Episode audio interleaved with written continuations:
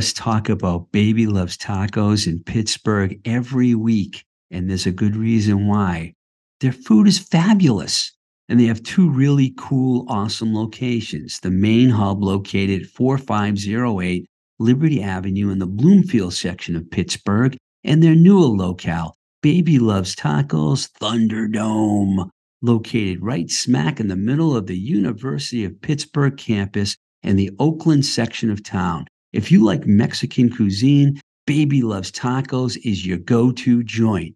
For daily updates on what's happening with Baby Loves Tacos family, head over to Baby Loves Tacos Instagram page at Baby Loves Tacos. And if you're anywhere near Pittsburgh, go by the Baby Loves Tacos shop. Tell them Twisted Rico sent you. Baby Loves Tacos, where everybody eats.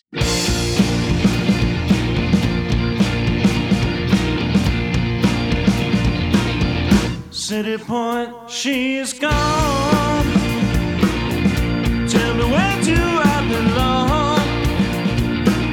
She's leaving Logan tonight. City Point, she's gone. No, she isn't wrong.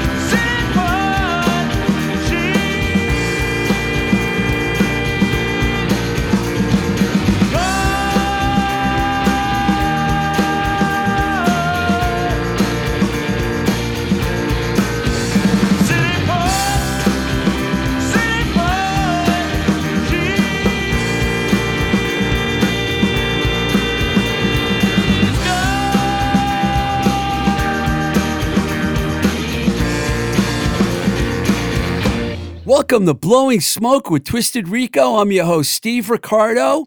The song you just heard was City Point by the Gypsy Moths. Later today in this show, we're going to play you an interview that we did with multi instrumentalist Chris Conway. I call him that because he plays a lot of instruments. He's mainly the guitar player of the band. He also co produced the band's new album, Following the Races, a really interesting band. So stick around. We had a really cool talk. I didn't really know Chris that well, but I realized that we probably had spoken to each other years ago because I didn't know he worked at Taang Records until today. And I used to talk to people at Taang all the time. I mean, I knew Curtis, but I talked to a lot of other people there uh, a lot too. So I probably talked to him on the phone. So it was a really weird week for me this week. I was feeling really funky from all the Mar-a-Lago bullshit that was going on, and I got sucked back into the news, something that I haven't done in a while. I try to avoid the news and not watch it. But, but I have such a deep dislike for the right these days that I couldn't help myself. And when I heard about what was going on with the raid and everything, I had to like start paying attention and it put me into a like a really bad funk. So I needed something to like get me out of it. So I went over to my extensive record collection and don't ask me why, but I pulled out the Jackson Browne Pretender record. I, I know, right? I'm not sure why it was that one, but I listened to the song The Pretender and it seemed to work and started changing my mood. So I'm like, you know what? I'm going to listen to more records. So then I put on side three of the double album by Arcade Fire, The Suburbs. Don't ask me why it was side three. I have no idea. And then I started painting like a madman. I mean, I had three canvases going at the same time. It was like I was obviously having a hyperactive moment, like borderline just manic, and I had to do something. It's not that strange for me to get like that, but it's it's easy for me if I deal with it right away, and I did. So between the music and the pain, I was slowly curing myself. There was even a skip on the song we used to wait, and I was like, "That's weird. I've only listened to this on vinyl a few times, and it skips." But it didn't really bother me that much.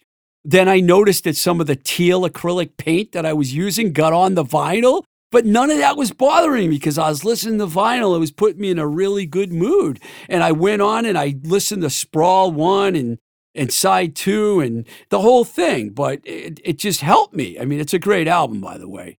I've talked about that before. I just love that album. A little sidebar note. I, I know I know you folks might know this or some might not that I used to work at Baby Loves Tacos when my management career actually came to an end while I was in Pittsburgh. I didn't know what I was going to do. I met Zach at Baby Loves Tacos. He hired me to work for him. I didn't know anything about the food industry. I learned everything from him. And it was when I went into Baby Loves Tacos my first day, Zach played a record that just came out by Arcade Fire called Everything. And then he played it like every day that I was there for a few days. And finally, I asked him one day, Why are you playing this record so often? He says, I don't know. I thought you liked it. and then he kind of confessed to me that he wasn't really that big of an arcade fire fan. He was playing the record for me, which I thought was hilarious. Just a little sidebar that I would throw in there. It was the following year, 2018, that I went down the Stage AE, which is, of course, in Pittsburgh. It's that beautiful indoor-outdoor arena in between PNC Park and Heinz Field. Heinz Field just changed their name to Acrisure, which is a financial technology company based out of Grand Rapids, Michigan. I have no idea why they're calling it the Acrisure Stadium, but that's what they call Heinz Field now.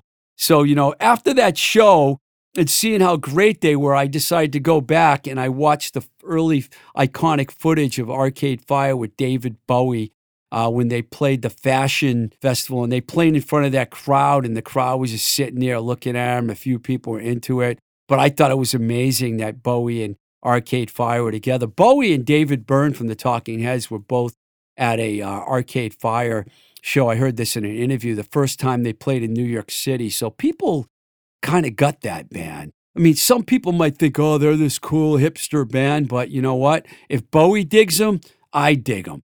Well, the moral of this long, drawn out story that I just told you was that I was saved by music and art, and I survived a manic moment that could have gotten a lot worse. And it was all because of art and Jackson Browne and Arcade Fire. And uh, by the way, Arcade Fire have a new record out called We. I should mention that. So, uh, talk about the stadium tour for a second because I previewed that tour back in 2019 And of course, it was originally scheduled for 2020 and it never happened because of COVID. And I wasn't sure if I even wanted to go. I wasn't overly psyched about it because I watched some footage of the band Poison. And that early footage was a little different than the glam slam kings and noise that I was used to. And so I was kind of like, "Oh, I don't know. But, you know, then I came in here and Mike Nash, our engineer, is like, So you going to see Poison tonight? Going to the stadium tour? And I was like, Oh man, I didn't even, I don't know. And so I just texted Rikki Rockett, drummer, good friend of mine, and I said, uh, How was show number one? He's like, Great, because they played two nights at Fenway Park. He's like, You're coming tonight, right? And I'm like, Yes, I'm coming.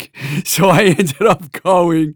And I got to tell you, I didn't really enjoy going to a concert in Fenway Park. There are too many people. It was hot as hell, but I dragged myself and AKA Penny Lane with me. And we went down there, got our seats at four o'clock. Joan Jett went on. She played a great 30 minute set. And I was initially worried about Poison. I didn't know what to expect. Their set was only 30 minutes, but let me tell you, they really brought it. It was good. I was sitting there watching them, and I was having a major flashback to seeing them in 1984 at the Troubadour in West Hollywood. And I even told Rikki about this when I hung out with him after the show. And I was like, wow, man, you know, I was thinking about seeing you guys in that club and then seeing you at Fenway Park. Because when I was a little kid growing up here, Fenway Park, the Red Sox, it was such a cool place, you know, to go. And I never saw a concert there. That was the first one. So, you know, after Poison played, before I hooked up with Rikki, we watched the Crue. I made it through about five songs. And I have to tell you, it was painful. It really was. They had a lot of pyrotechnic and stuff going on, it kind of disguised. Tommy Lee played really good, but I just couldn't get into it, man. I've never been a Crue fan and and I just couldn't. So then I'm texting with Rikki and he's like, Well, we're at the Verb Hotel in a trailer across the street. And I'm thinking, oh shit, man, if I leave here, I'm not going to be able to get back. So I had to make a decision. And I knew Poison was leaving town early because they had a one off the next night. So we didn't stay for Def Leppard and we left. I'd seen Def Leppard before, great band, but I really wanted to hang out with Rikki. So I went over there, came in, opened the door, and it was really funny. Rikki sees me, we hug each other, and Ernie Boch Jr. standing there. And I'm like, Ernie Boch Jr. was back there, which is really funny. And I just looked at him and said, You're Ernie Ba- Boch Jr. I didn't know what to say. I've been hearing his voice on TV forever. Before that, his father, you know. But um, we hung out. It was really good. And uh, caught up with Rikki, talked for a while. Doing good. I, I asked him about the 30 minute set. He said I, the set was getting cut shorter and shorter every night and Motley Crue and Def Leppard are playing hour long sets, but the openers, Joan Jett and Poison, were only getting 30 minutes. Kind of typical on big tours, but not for bands that have sold 16 million records, you know? But that's the way it is, and that's the way it was, and no one seemed to care. So overall, I went, and thank you, Nash, for uh, telling me I should go. Like he actually said, You're not going? Come on, man. What do you mean you're not going? So I went. All right. So I just wanted to blab for a little while. All right. Let's listen to an interview we did with Chris Conway. Uh, we talk about his band, Gypsy Moths, really cool band, and some other stuff. And here it is. So I have to first apologize for missing your set at the Rumbar Records uh, Oh, it's quite all right. shindig because um, I had to drive an hour and um, I left in the middle of the Dogmatics actually, but I uh, I saw the first two bands. I was there all afternoon because we, we Oh, obviously were talking to each other that day, but I felt bad that I left before you guys came on. So I apologize for that. We'll get you to another one. I'm sure there'll be another show, man. So, and um, and your re- new record just came out, so you probably have. We'll talk about your plans and stuff. So I was wondering, Chris, where exactly did you grow up? Are you from this? Are you from the Boston area, or like where are you from? I am native, lifelong Bostonian. So I uh, was born in Dorchester, and family moved to Quincy when I was two or so, and grew up in Quincy.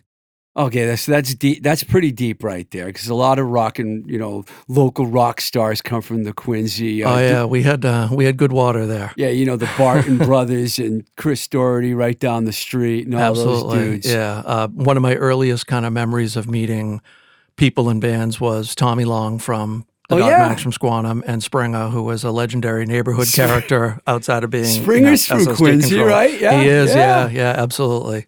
Wow, so you knew Springa a long time ago? Yeah, you know, the he was a legendary cat, kind of growing up in terms of just a neighborhood character. So, um, and I first met him. I think it was on the train. Like I was going. I used to work at Fenway Park when I was line. a teenager. Yeah, I was going. I sold concessions in the stands, and I'm going to say this is the summer of '84.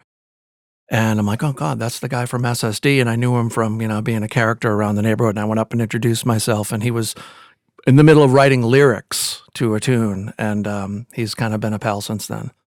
Yeah, it's funny. Uh, He was in the middle of writing Glue. It was only two lines, but I was Yeah. there when he wrote the song. Actually, you know what's funny? I can't remember what I had for lunch three days ago, but I'm pretty sure it was actually Blood Flood, the, a song off uh, Break It Up Blood, that he Break was scribbling. the notorious hard rock SSD record. I'm one of those like three people that uh, loves that it's record. not a bad record. I love it. not a bad record. I'm not going to say it. If I thought it was bad, I wouldn't say it either because you know I don't want Al to kill me or anything. He would. I saw Al not too long ago. He, he's he's mellow, mellowed out. so you grew up in Quincy. Did you go to like Quincy High School? Oh, did you go to school in Dorchester or Quincy? No, so Dorchester was just the first few years. My I come from the classic. Uh, my mom's from South Boston. My dad's from Dorchester. Uh, I guess I lost my Boston accent in the mail. Yeah, But, it's uh, amazing that you don't have a strong accent. Did you move away or something? No, you know, I went to Emerson College and Oh, I'd always school. wanted to get into radio and they kind of beat it out of you early on if you had one. Like you were the example. I'll never forget my first week of, cla- of school there. I was in a class called Voice and Articulation, and the teacher used to use me as the example to read a sentence out on how not to say something. So it it was uh, you know embarrassment was a good motivator. But um, I did go to school in Quincy. Um, actually, I did a brief run in Dorchester. I went to BC High for a couple of years, and that was we famous co- famous school. we weren't a good match. So uh, I ended up over at um, North Quincy High School, graduated from there. Um, but yeah, grew up in Quincy. And then, as I said, uh, went to Emerson College. When you were young and growing up, were you, did you realize at a young age that you were into music and what what kind of stuff were you listening to? Absolutely. Yeah. I've been a, a music nut since I can remember. Like, my mom's got pictures still of me jumping around with like a tennis racket when I was two, three, four years old. I was, I was in a band before I actually was in a band. You know, like me and a couple of buddies from I, I played a hockey stick in front of. Yeah, mirror, exactly. so I, can I did a few on hockey stick as well, but I had a group of uh, pals from elementary school that we would jump around to Rolling Stones and Beatles records with our tennis rackets. And I was an absolute music nut for all kinds of music from a very, very early age. And I was really lucky to have um, a couple of kind of pivotal babysitters, one aunt and a cousin. The cousin is sadly deceased, but when they would come over to babysit my brothers and sister and I, they would always bring a stack of 45s. Oh, nice. And I was the one of my siblings who would peel through it, ask all the questions, get them to play it over and over again. So my very first records, and I'm still a big record person, are from those. Like my aunt Kathy, after you know making her play her U.S. pressing of Rubber Soul over and over again, she just left it at that point. My cousin Mary, same things with her, like London Rolling Stone singles. Like I got to the point where I was asking for them so much, they just gave them to me. nice. So do you still have those old records? I do, I do, but I didn't really learn how to take care of my records until my early 20s. So those are uh, nostalgic mementos that are still in the collection, but are kind of unplayable that I've replaced with better copies. But I was a, a mad music person from the get go, as a music fan, but also kind of aspiring to be in a band someday. And my mom got me a kind of plastic nylon string semi toy elect- uh, uh, acoustic guitar when I was maybe eight or nine. Couldn't really play it. Finally, got myself um, through paper route money. I think when I was twelve, an actual guitar, electric guitar, and um, from that point on, I was I was mad for it, and just started to play with friends and make a noise. And in your typical high school bands that, or band, one band that, um, you know, we didn't really have much in the way of m- original material. It was mostly like Stones and Beatles and garage rock covers. And actually, the guy who's the uh, what year? What year did you graduate from high school? If you don't mind me yeah, no, asking. no, not at all. Eighty-seven. Eighty-seven. Yeah. Okay, so you were pretty young when the whole thing started. Everything started changing at the end of the seventies, early eighties. I was, but you know, one of them, I like um, music fan, music fanatic, guitar fanatic, but also radio fanatic. So I would sit there and just comb the dial all the time. So I, I got into all sorts of different music from that, Yeah. whether it be rock and roll, underground music, classical, jazz, what have you. So I discovered um, a lot of that college radio that was happening. And also, I think a lot of credit goes to Weekend BCN, I call it, like the Saturday BCN. And I'm talking 78, 77 when I really started to get my own radio and get into it. Like, did you listen like Oedipus's show? And I loved it. I loved it. I used to record it. Oedipus and then the weekend DJs that were on. There were just so many great ones. Late night DJs like Tracy Roach, who was on from, I think, 10 to 4 a.m., or maybe it was midnight to 4.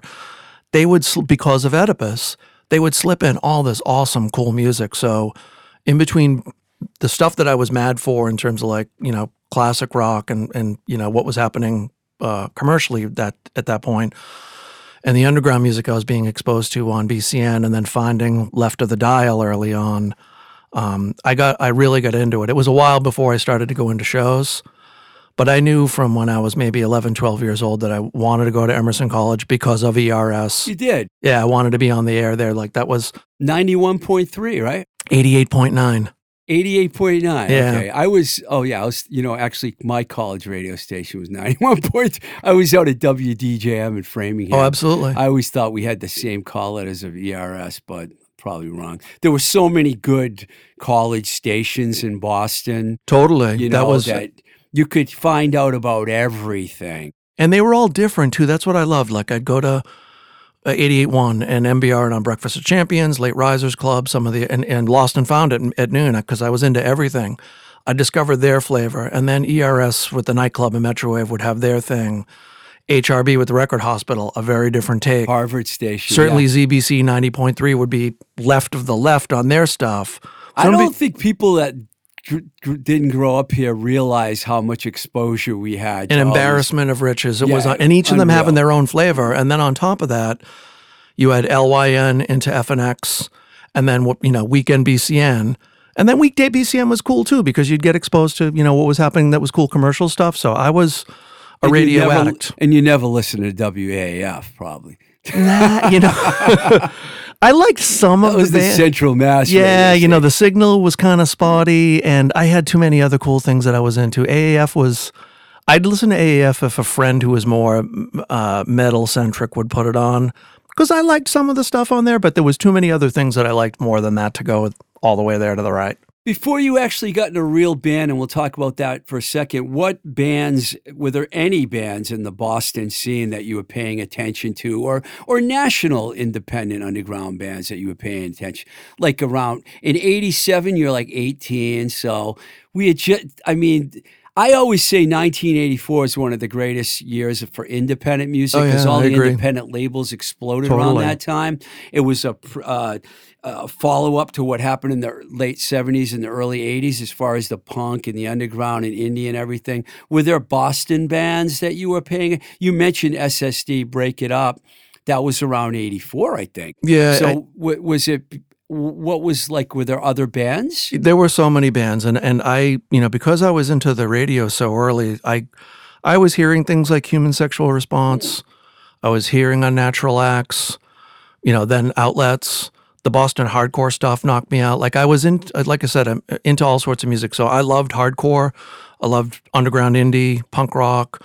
So, but in terms of Boston bands, like that first wave of, and I, I didn't go to those shows. I'm 12, 13 years Yeah. old. And I know many people did, and some of the people in the bands were that age, but stuff like SSD Control, Gang Green, Jerry's Kids, The Freeze, I loved that stuff. And then from there, you know, outlets were happening at the same time. Loved the Dogmatics from the moment I heard them. Still one of my favorite bands of all time, and a huge, huge influence on the Gypsy Moths, Dogmatics.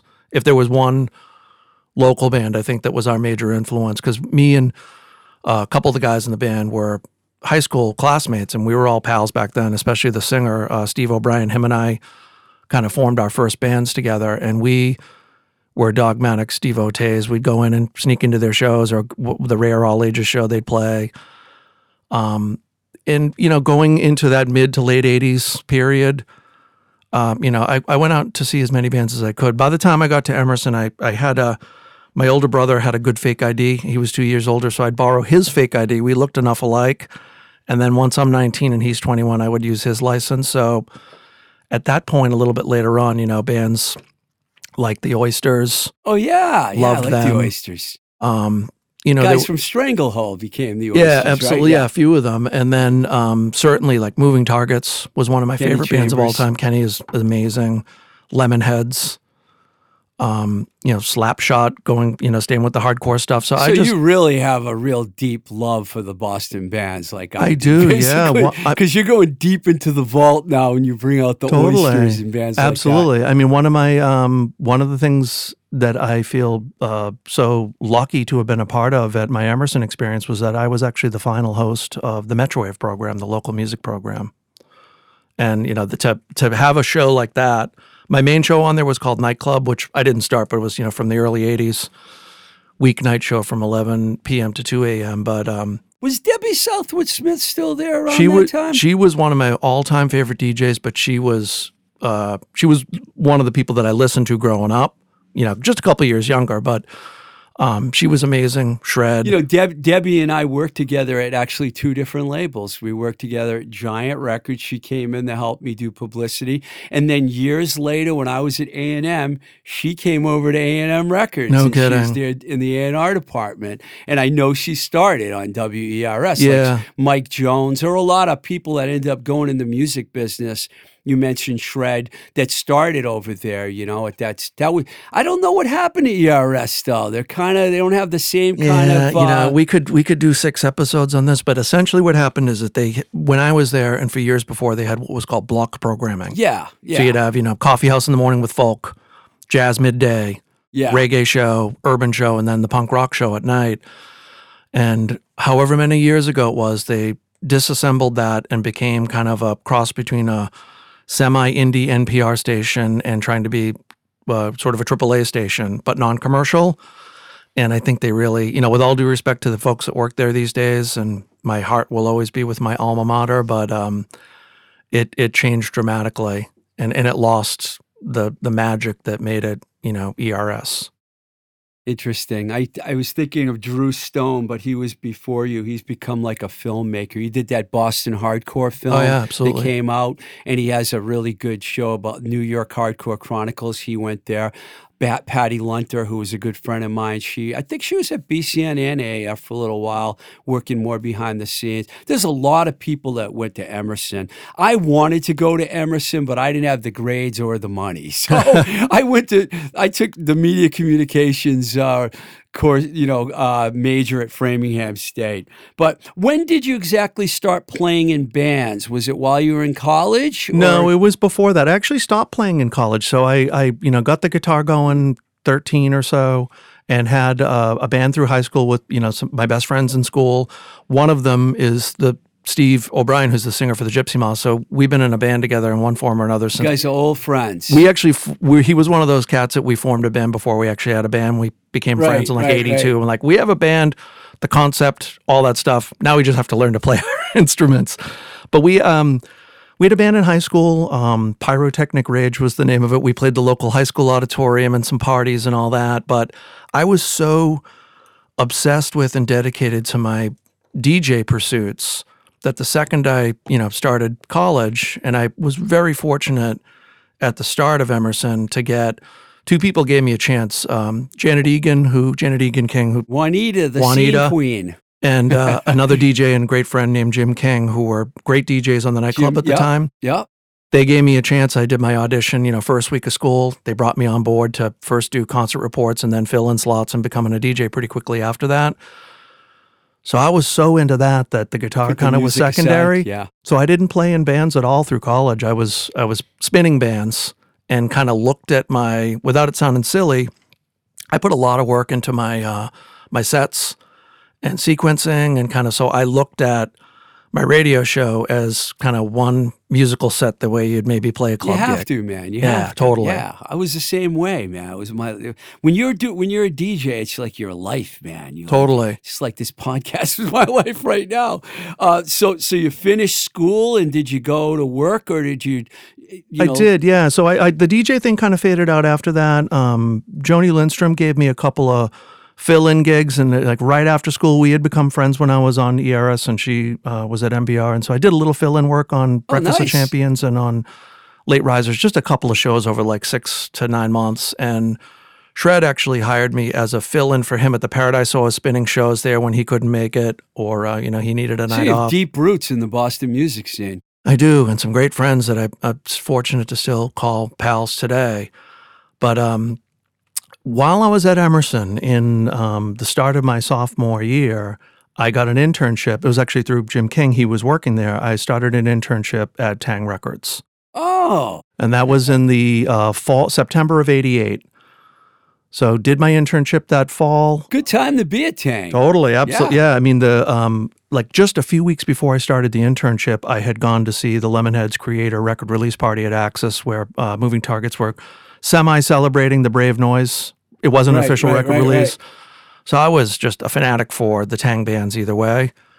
So I did the um I did the internship that fall, hit it off with Curtis and everybody else that worked there, worked hard, and he hired me on. So the last two and a half years of college, I was also working full time at Taang. And that's when they were still in Kate. Uh, We were in record Newton. store. Oh yeah, Yeah, we were in New- Auburndale. Yeah, Au- Auburndale was the PO Did he have the box. store yet? He In didn't. No, Harvard Square. So this is before the Harvard Square store. it was. We were out on a street called Chase Avenue in Newton. It wasn't the first location. He had started it in like a clubhouse, like a, a basically like a studio kind of clubhouse in near the Auburndale PO box. Before my time, when I started working there, we were in the basement of his house out in Newton. Like I said, that was fall of '88. I think it was early 91 or summer 91 when we moved to Cambridge and opened the record store and put the label there. So I was working for the label full time um, throughout college, and I finished school. I sent out a couple of audition tapes for radio because my major was was audio. So I, you know, studied cutting tape and producing. I studied, you know, on air. I was on air all the time outside a nightclub and Metrowave. I did every shift I could take. So if somebody needed to fill in on the coffee house or bluesology or the jazz show or the urban show, whatever it was, I loved all that music. So I jumped right in. And I think I had like a brief conversation with the PD and like a suburban Cleveland rock station. Like it was something that was like, eh, that's not enough to bring me. And meanwhile, like at that same point, the Bosstones are putting out their second album on the label. The label is really happening, and I was like, you know what, I'm gonna I'm gonna stick with this. And I ended up being there for another three years until um, you were at Taang that long?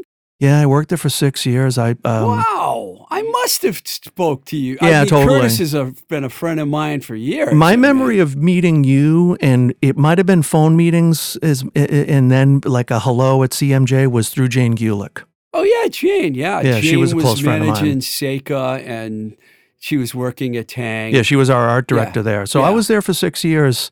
She's big in the film world now. Yeah, absolutely, and doing fantastic. So Jane was your main person that you dealt with. at Taang, well, Curtis was the main person, and then Jim King was, like I said, he was the one that brought me on. Jane was a real staple there, and then as time went, you know, I was there for six years. So then Deb Klein came in, Oh yeah, um, Mary Ellen Leahy came in, Leslie Ransom, Cornelia Hoskin. I mean, I'm, I, Cornelia. Um, Sa- She was involved with Sa- Sam Black Church. yeah, absolutely, all, all, awesome people that I, I'm again still happy to call friends. Yeah, you Uh, know, Robin people- I- Spencer, Spence, If- a if- designer. if- just so many talented people came through the You know, door. there. Curtis was on my show, and we could have actually had. We, we were supposed to have two shows, but he slept through the second one. I was, wonder, I was wondering what happened to that. I It was a forget- cliffhanger. I forgive. I forgive Curtis. You know, I mean, I have a long. Re- Curtis and I worked at a radio station together, WICN in Worcester. Shred was there too. It was a big thousand watt radio non-commercial station. That's when I first got to know those guys. Sure. That was in uh, n- around 1983. It was right before I moved to California. Before you know, while you were still, you know, still working your way up through the high school ranks. So he packed up the truck and I think it was the summertime of 94 to go out west. And, Why didn't you go? uh, you know, it just, it was tempting. And I'd been out to San Diego a few times with him because he had opened up that store out there and it was nothing negative. It was, I had a life here and I kind of just, it felt right to stick around here. And I was actually starting to play in bands again, is really so, what so it was. What, yeah, let's go back to that. So, what were some of the early band? Who were some of the early bands you played? So that band was called Mono Jack. We formed maybe early 94, um, and then split in the end of 96. High school classmates for the actually Steve, recurring theme in my musical story. He was the bass player. I played guitar. Um, another great friend of ours, Mike Rain, was on guitar, and the drummer for Gypsy Moths, our second drummer, but he's been in the band for four years now, Matt Michelli, he was in that band as well. Playing around in the clubs, you know, a lot of opening slots and a couple of radio tapes. And um, that band kind of splintered summer of 96, and I formed another band with that drummer, Matt Michelli, called Sunshine Boy. And we were I together remember that band.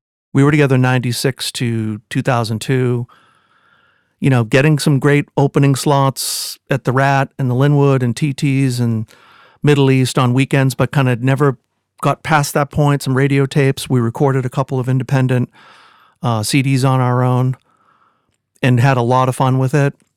But had that band going for six years and it got to the point where kind of towards the end of it a couple of the guys in the band were having kids. I don't have any kids but they were having some kids and it got more difficult to get practices happening and you know we were bubbling under if you will and uh, i'll always remember our final gig was um, at the paradise front room and it was when they were doing bands in Oh, the I front room there that. Yeah. and we had this great gig there you know for every gig like that there was five of them on a Wed- and without with all due respect to the sky bar but like a wednesday at the sky bar the when it was Sky Bar. us and the bartender Right because down we the street, man. we took a lot Yeah. of gigs. You know, we'd play as much as we could.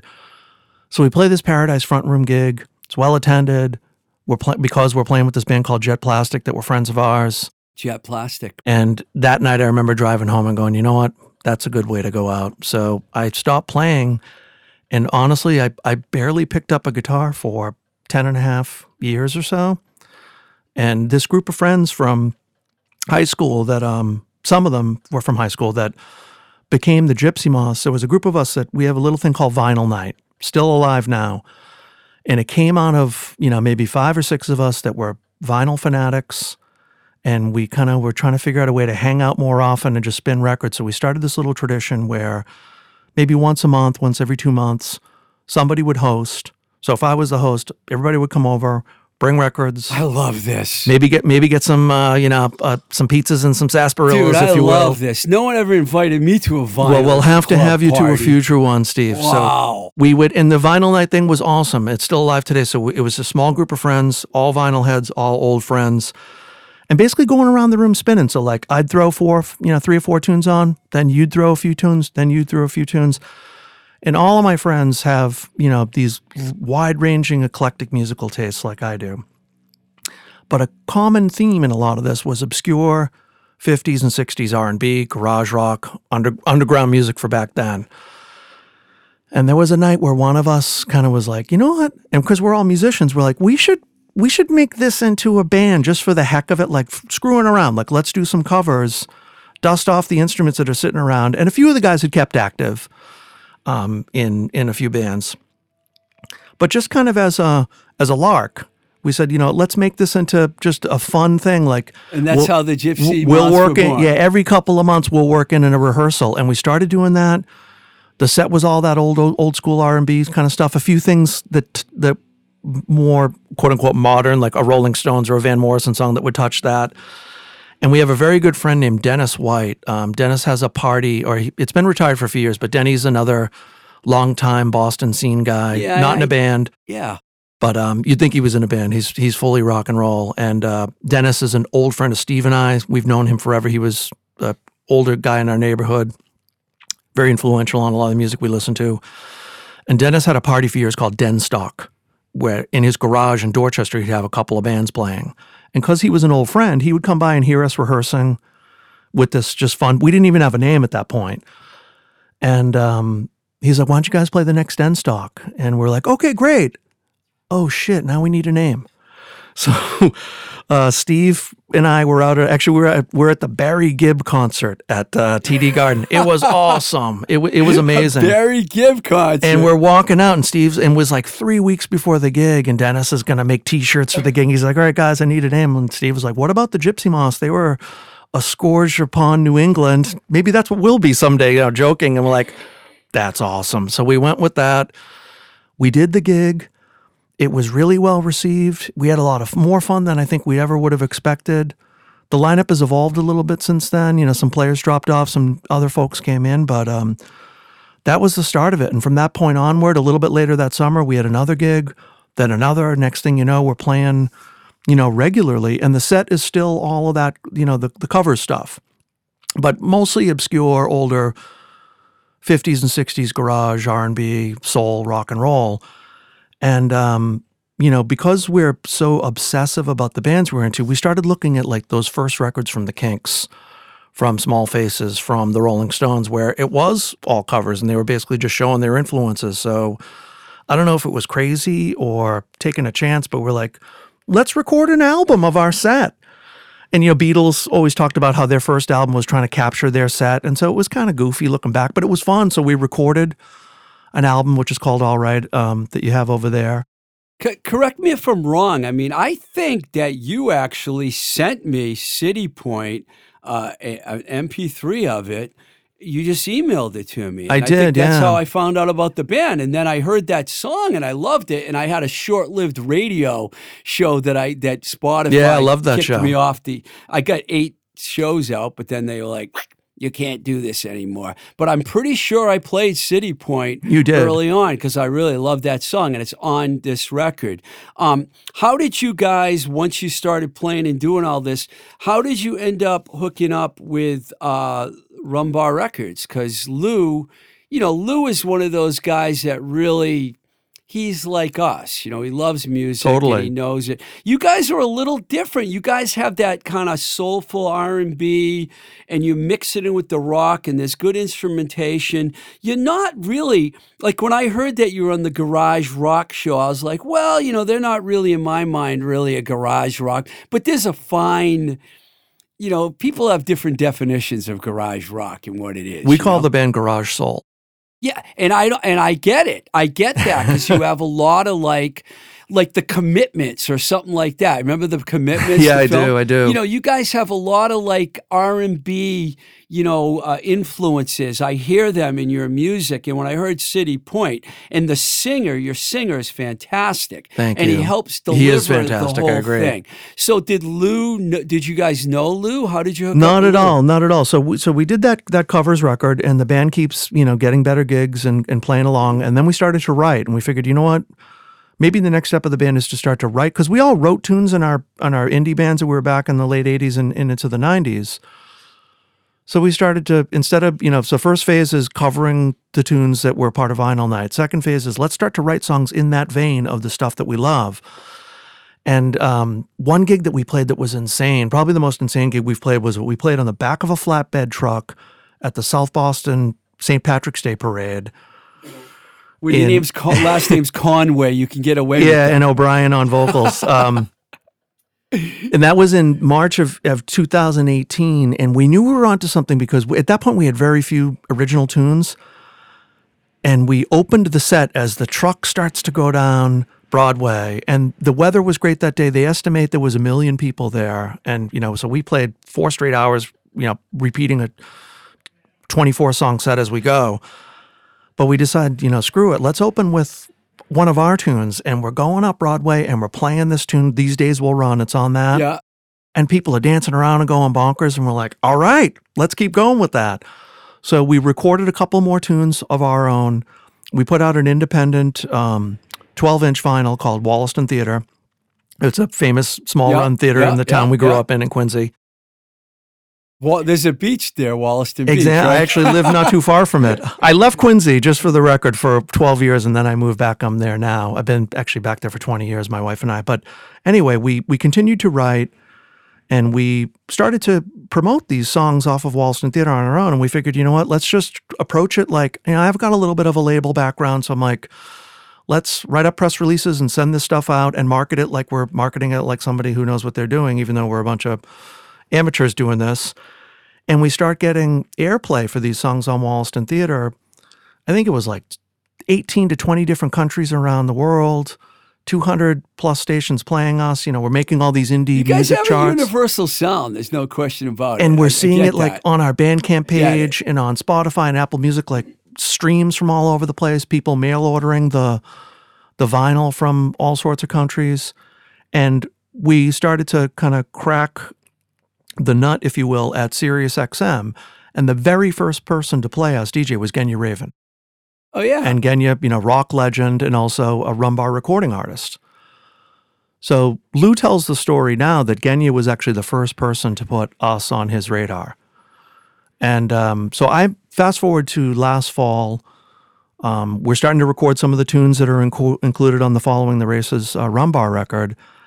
And um, another real pivotal, you know, person in our story is Jerry Lehane from the Dogmatics, big supporter of ours. He's, you know, we were fanatics of his band when we were kids, and they become friends, and we play a lot of shows with them. So Jerry's messaging, letting me know, like, hey, man, I'm talking to Lou, telling you how much, you know, I love the band. I think you guys would be a great fit.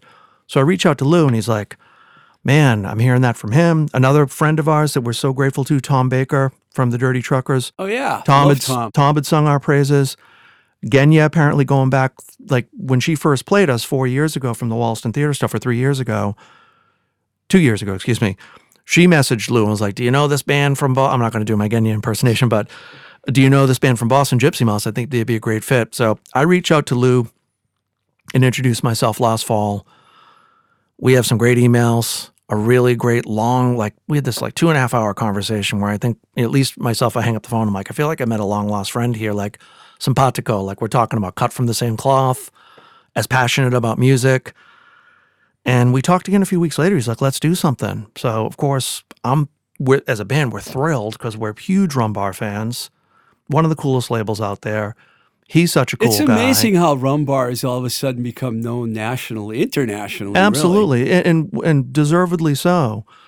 So we had the four tunes we had released independently, and um, you know, as much juice as we got out of them, you know, most of the Rumbar audience, because they're you know at such a scale they're at, wouldn't really know those songs. So we recorded another uh, five tunes, winter into spring, packaged that with the four tunes that we had put out independently on vinyl. And that's the the Rumbar CD, the following the races. races. Okay, yeah. I do have some questions about this because Ed Reamer is who you worked. You you produced the record with Ed. Yeah, Ed, um, Ed, Ed, and Ed and I co-produced the record. The band, you know, everybody's super involved in in the process. But uh, Ed, we consider Ed. We actually call it our two Eds. So Ed Reamer, co-producer of the record, engineer, master mixer. We consider him to be a member of the band. He's just such a part of what we do, along with a, a gentleman named Ed Devlin who does all our artwork and Right. show posters and all that. Ed actually used to be the bass player for um, Underball Oh yeah, and and, and he was in Sunshine Boy as well. So he's an old friend. So yeah, uh, our, our two eds kind of make us look and sound good. And The and, Barn is kind of a well-known studio that. yeah, I mean. Richie Parsons did Yeah. um, his solo records there. Uh, Dogmatics do their recordings there. Um, all you know, he's done. The Darlings have recorded there. Ed's constantly doing great projects. Ed was the bass player back in the day with Band 19. Yeah, He played in Star Darts with David Minehan. yeah, Um, sure did. and just a, a, a really fantastic guy. Has become a, a great friend of the band uh, of ours as people, and just uh, uh, beyond immensely talented. His ears, not just engineering and mixing and co-producing, but like he knows songs. So he really kind of helps us kind of get inside the song, and and we're all again record nuts. So as much as we love to play out, you know, we're recording nerds, and we're we really kind of without sounding goofy about it, we get into the song. You know, with what makes a, a song jump out? What what's a good arrangement? How do you make it sound? What kind of little? How do you make a studio recording sound uniquely different to a live recording? One of my favorite things ever about bands forever has been going back to like when I was a J. Geils band, and still to this day, a Geils band fanatic. When I was a kid, you'd listen to the live version on Full House or Blow Your Face Out, and then the studio version would be uniquely different. And I loved that about bands when you'd have Yeah. like kind of two sides Yeah. of a song. So we try to do that with our recordings too, where the live stuff's maybe more stripped down and energetic, and you know, without maybe we throw kind of the kitchen sink at it, but when we're producing it, we make use of the studio and and make that um, make the songs reflect the you know uniqueness of that experience of recording. Well, the reason I wanted you to come down here, Chris, is because I think you guys have a really good image. The packaging of what you did on the on the record even takes that even further. The songs are really good. The instrumentation is fantastic.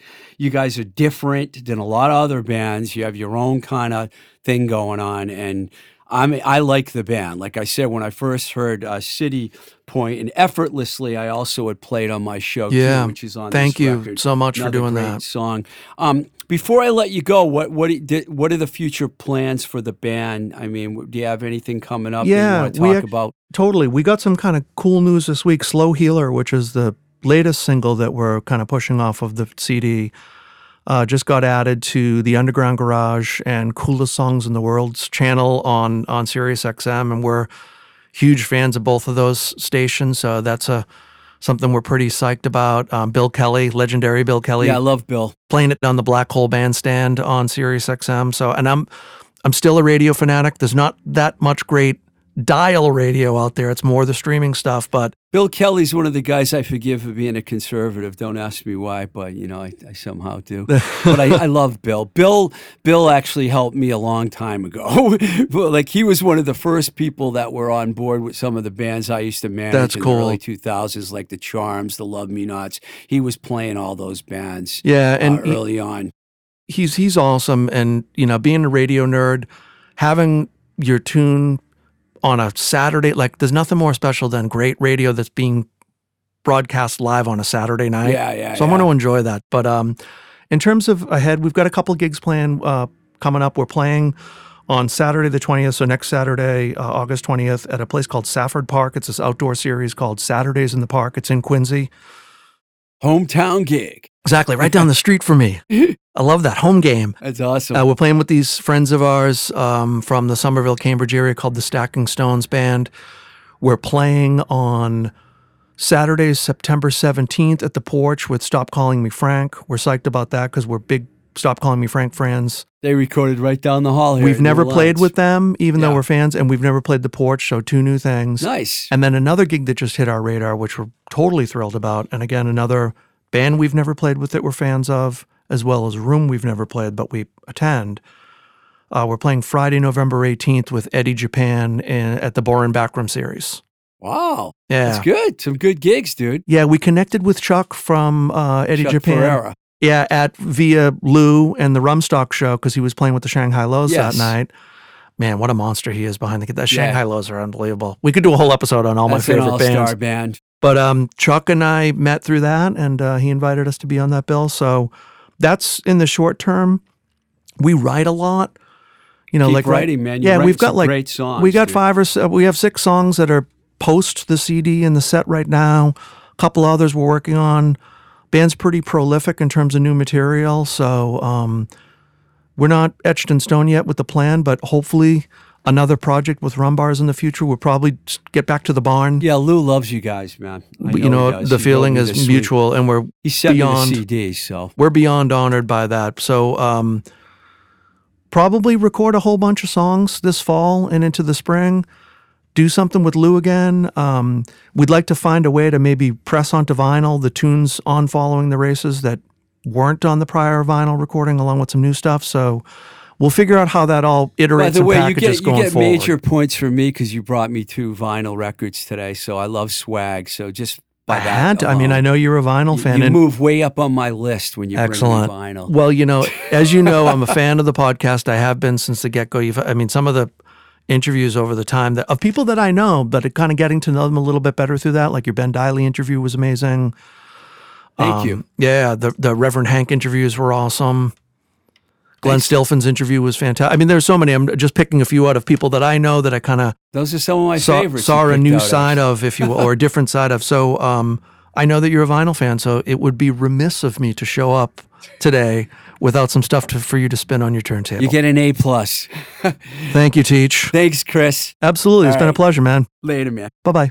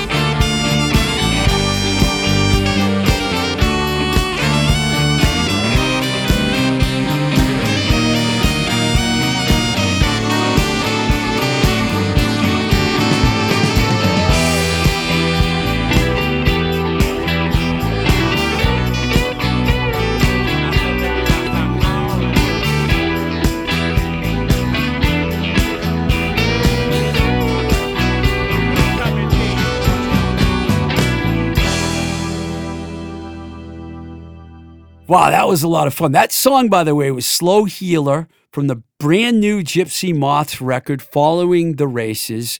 People always say to me, Steve, don't you get sick of people bringing up the underground garage and little Steven on your show? Because people know we have a not so good history together. But you know what? I don't have a problem with the underground garage. I'm glad they're out there playing all these bands and doing their thing. My problem was with Wicked Cool Records, okay? And the way they screwed the charms, okay? That was my problem, all right? So my problem is not with the radio station. So I'm happy this station is playing all these bands. A lot of them come on my show and they're all happy and everything. So if you're, you're getting your five spins a week, I know what that's like.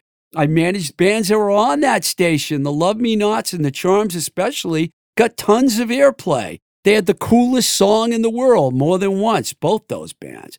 So, you know, don't don't think that I'm like being overly dramatic about it. It's just that certain things about it, you know, leave a bad taste in my mouth, but it's nothing to do with the bands. So thanks a lot, Chris, for coming on the show.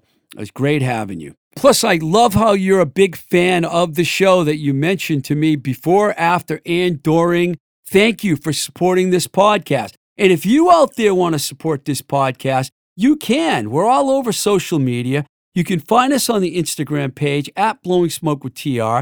We have a page on Facebook. We have a YouTube page. We're on TikTok. We're everywhere. And you know what would really help? If you actually supported this show on our Patreon page or on our Anchor page. Listen, for 99 cents, you can round it off to a dollar a month. You can support this podcast. And I'd love to have you supporting it because I want to do this podcast till I bloody well die. And I mean it.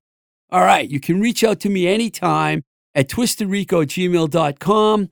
And like I mentioned, the Patreon page and the Anchor page. Thank you to Baby Loves Tacos, who's been supporting this podcast since day one. Zach, John, Kat, Kaz, you guys are awesome. Thank you. And thanks to Mike Nash for recording about the last, I don't know, it might be close to 100 shows by now. We've been coming to Voice Motel for a while. You should come here too. And I don't mention this enough seems to me with Sibylline Seriano is a really cool podcast that you should listen to. I'm on it with Sibylline and we talk about a lot of fun stuff. You can find all those shows all over, uh, you know, Apple, Spotify, wherever you listen. Sibylline's really cool. She's really funny. Please check it out. Seems to me with Sibylline Seriano. All right, till the next time we say goodbye, this is Blowing Smoke with Twisted Rico. I'm your host, Steve Ricardo. Keep the rock and roll alive.